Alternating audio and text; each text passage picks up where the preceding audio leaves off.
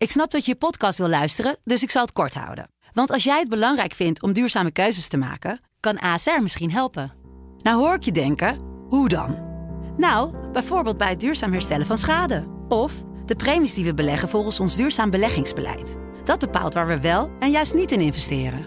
Wil je meer weten over welke duurzame keuzes ASR maakt? Ga dan naar asr.nl/slash duurzame keuzes. ASR doet het.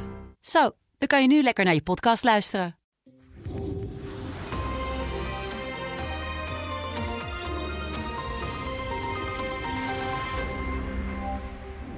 Welkom bij het gesprek met Paul Jansen, de hoofdredacteur van de Telegraaf, waarmee we wekelijks doornemen wat hem bezighoudt in het nieuws.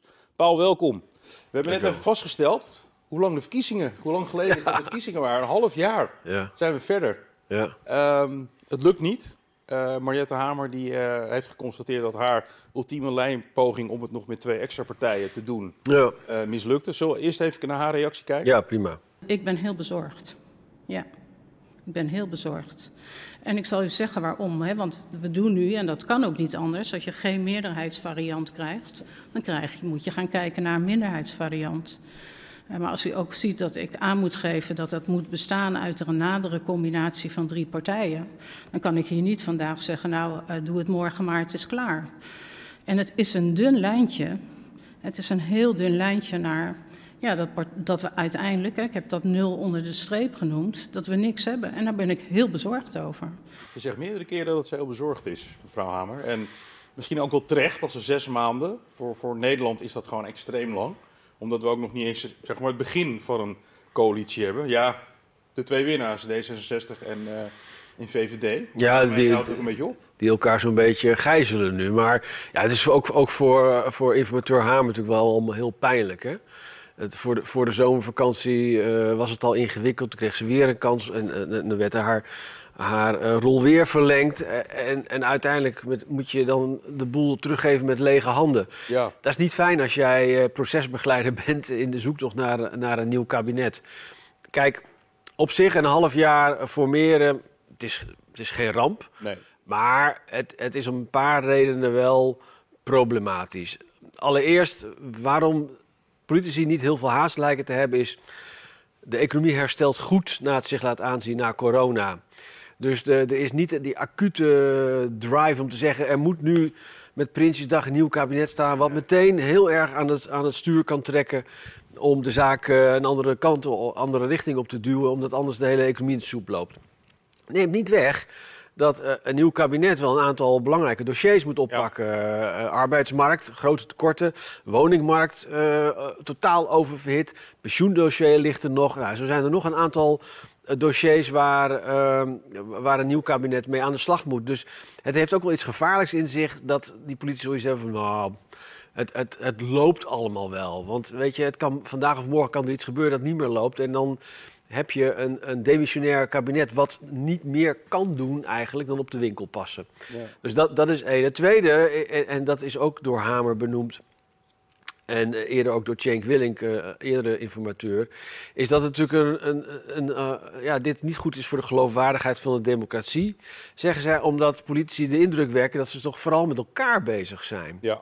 En dat is ook wel schadelijk. Ik denk dat heel veel mensen inmiddels hun schouders ophalen en denken, ja, op wie had ik ook alweer gestemd eh, een half jaar geleden? En, en ja, zoek, zoek het uit. Ja, En- alleen en- ik, mer- ik, dat, dat, dat merk ik bij mezelf ook. Ik ben eh, naast journalist ben ik ook burger van dit land. Dat ik denk van ja, een half jaar geleden, ik, ik, het is, dat is inmiddels zo lang geleden. Ja. Ik heb zoiets van ja, het, het, het, het, loopt, het loopt wel of zo. Ik, ik, Ja. ik word er een beetje passief van. Nou ja, dat is, dat, dat, ik denk dat veel mensen dat hebben. En eh, natuurlijk is dat niet goed. Dat is inderdaad niet goed voor het aanzien van de politiek. Maar waarom het zo lang duurt, heeft gek genoeg niet zozeer te maken met de vorming van dit kabinet, maar met de volgende verkiezingen. En dat klinkt heel raar, dus laat, laat ik dat even uitleggen. Ehm, iedereen is ervan overtuigd dat Mark Rutte aan zijn laatste termijn begint. Ja. Hij is officieel nog geen premier van een nieuw kabinet, maar de, het ligt tot nu toe. Hè, er kunnen gekke dingen gebeuren, Ja. informatie hebben we eerder gezien. Maar het ligt tot nu toe in de lijn de verwachting dat hij een nieuw kabinet gaat leiden. Dat, iedereen is ervan overtuigd, dat wordt zijn, zijn laatste Pe- Peilingen doen ook nog steeds goed. ja, maar het wordt zijn laatste kunstje, Ja. dat is dan. Dus partijen zijn niet alleen bij, bezig om te kijken hoe ze in dit kabinet kunnen gaan zitten. Maar die kijken ook vooruit naar komende verkiezingen als Rutte niet meer meedoet. De VVD als grootste partij mogelijk een opvolgingsprobleem gaat krijgen. In ieder geval er heel veel zetels uh, vrijkomen die naar andere partijen kunnen vallen. Kijk naar het CDA, maar kijk ook naar D66. En wat heb je nou de, eigenlijk de voorbije periode gezien? Waarom houdt D66 zo hard vast aan GroenLinks en PvdA? Dat heeft volgens mij alles mee te maken dat zij zich willen indekken richting die volgende verkiezingen. Want als, dat zijn de belangrijkste concurrenten op links. Ze zijn nu gemarginaliseerd met, met zwakke leiders die nou ja, eigenlijk uh, wel klaar zijn. Tenzij ze in een nieuw kabinet uh, waren gaan zitten, dan hadden ze nog mee kunnen doen. Maar als zij de oppositie ingaan, is er kans dat bij een komende stembusgang er een leiderschapswissel komt bij PvdA GroenLinks. Het is niet zeker dat, maar die kans bestaat er.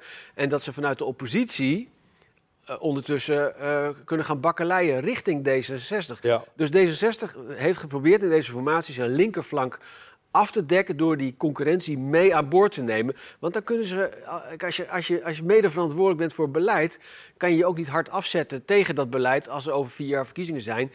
En dan, en dat is, is volgens mij de rekensom bij D66, komt eigenlijk dat premierschap voor Kaag op een dienblad aangedreven. Want ga maar na, CDA. Ja. Uh, is, is verscheurd met, met omzicht.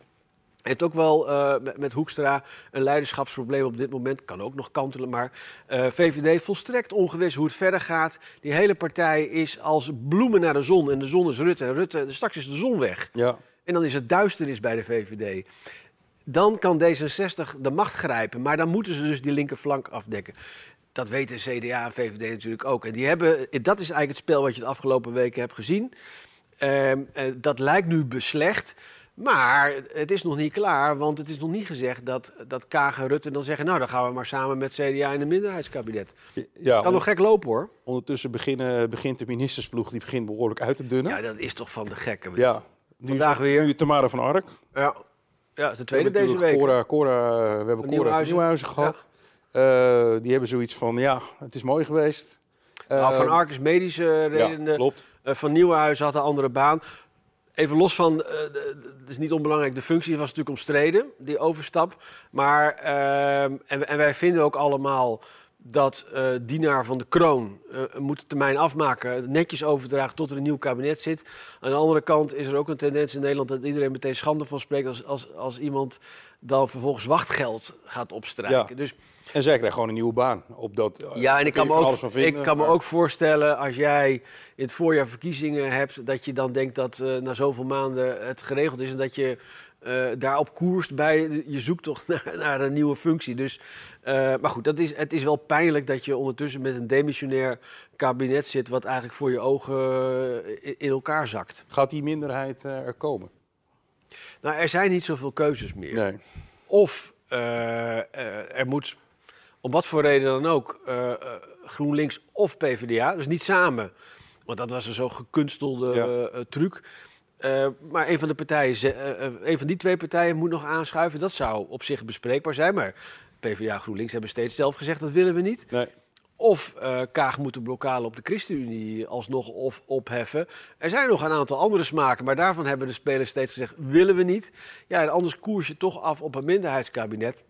Dat zou niet de eerste keer zijn. Hè? Rutte heeft meer uh, minderheidskabinetten geleid. Dus uh, ik denk dat het inmiddels het belangrijkste is dat er een nieuw kabinet komt en dat het land weer uh, bestuurd kan worden, dat er weer beleid kan worden gemaakt, dat we vooruitkijken en dat Den Haag, wat heel lang strategisch aan het schaken is geweest, wat gepercipieerd is als navelstaren, daar moet zo langzamerhand wel een einde aan komen. Dus Prinsjesdag zullen ze niet meer halen, maar ik hoop snel daarna wel. Dankjewel. Graag gedaan.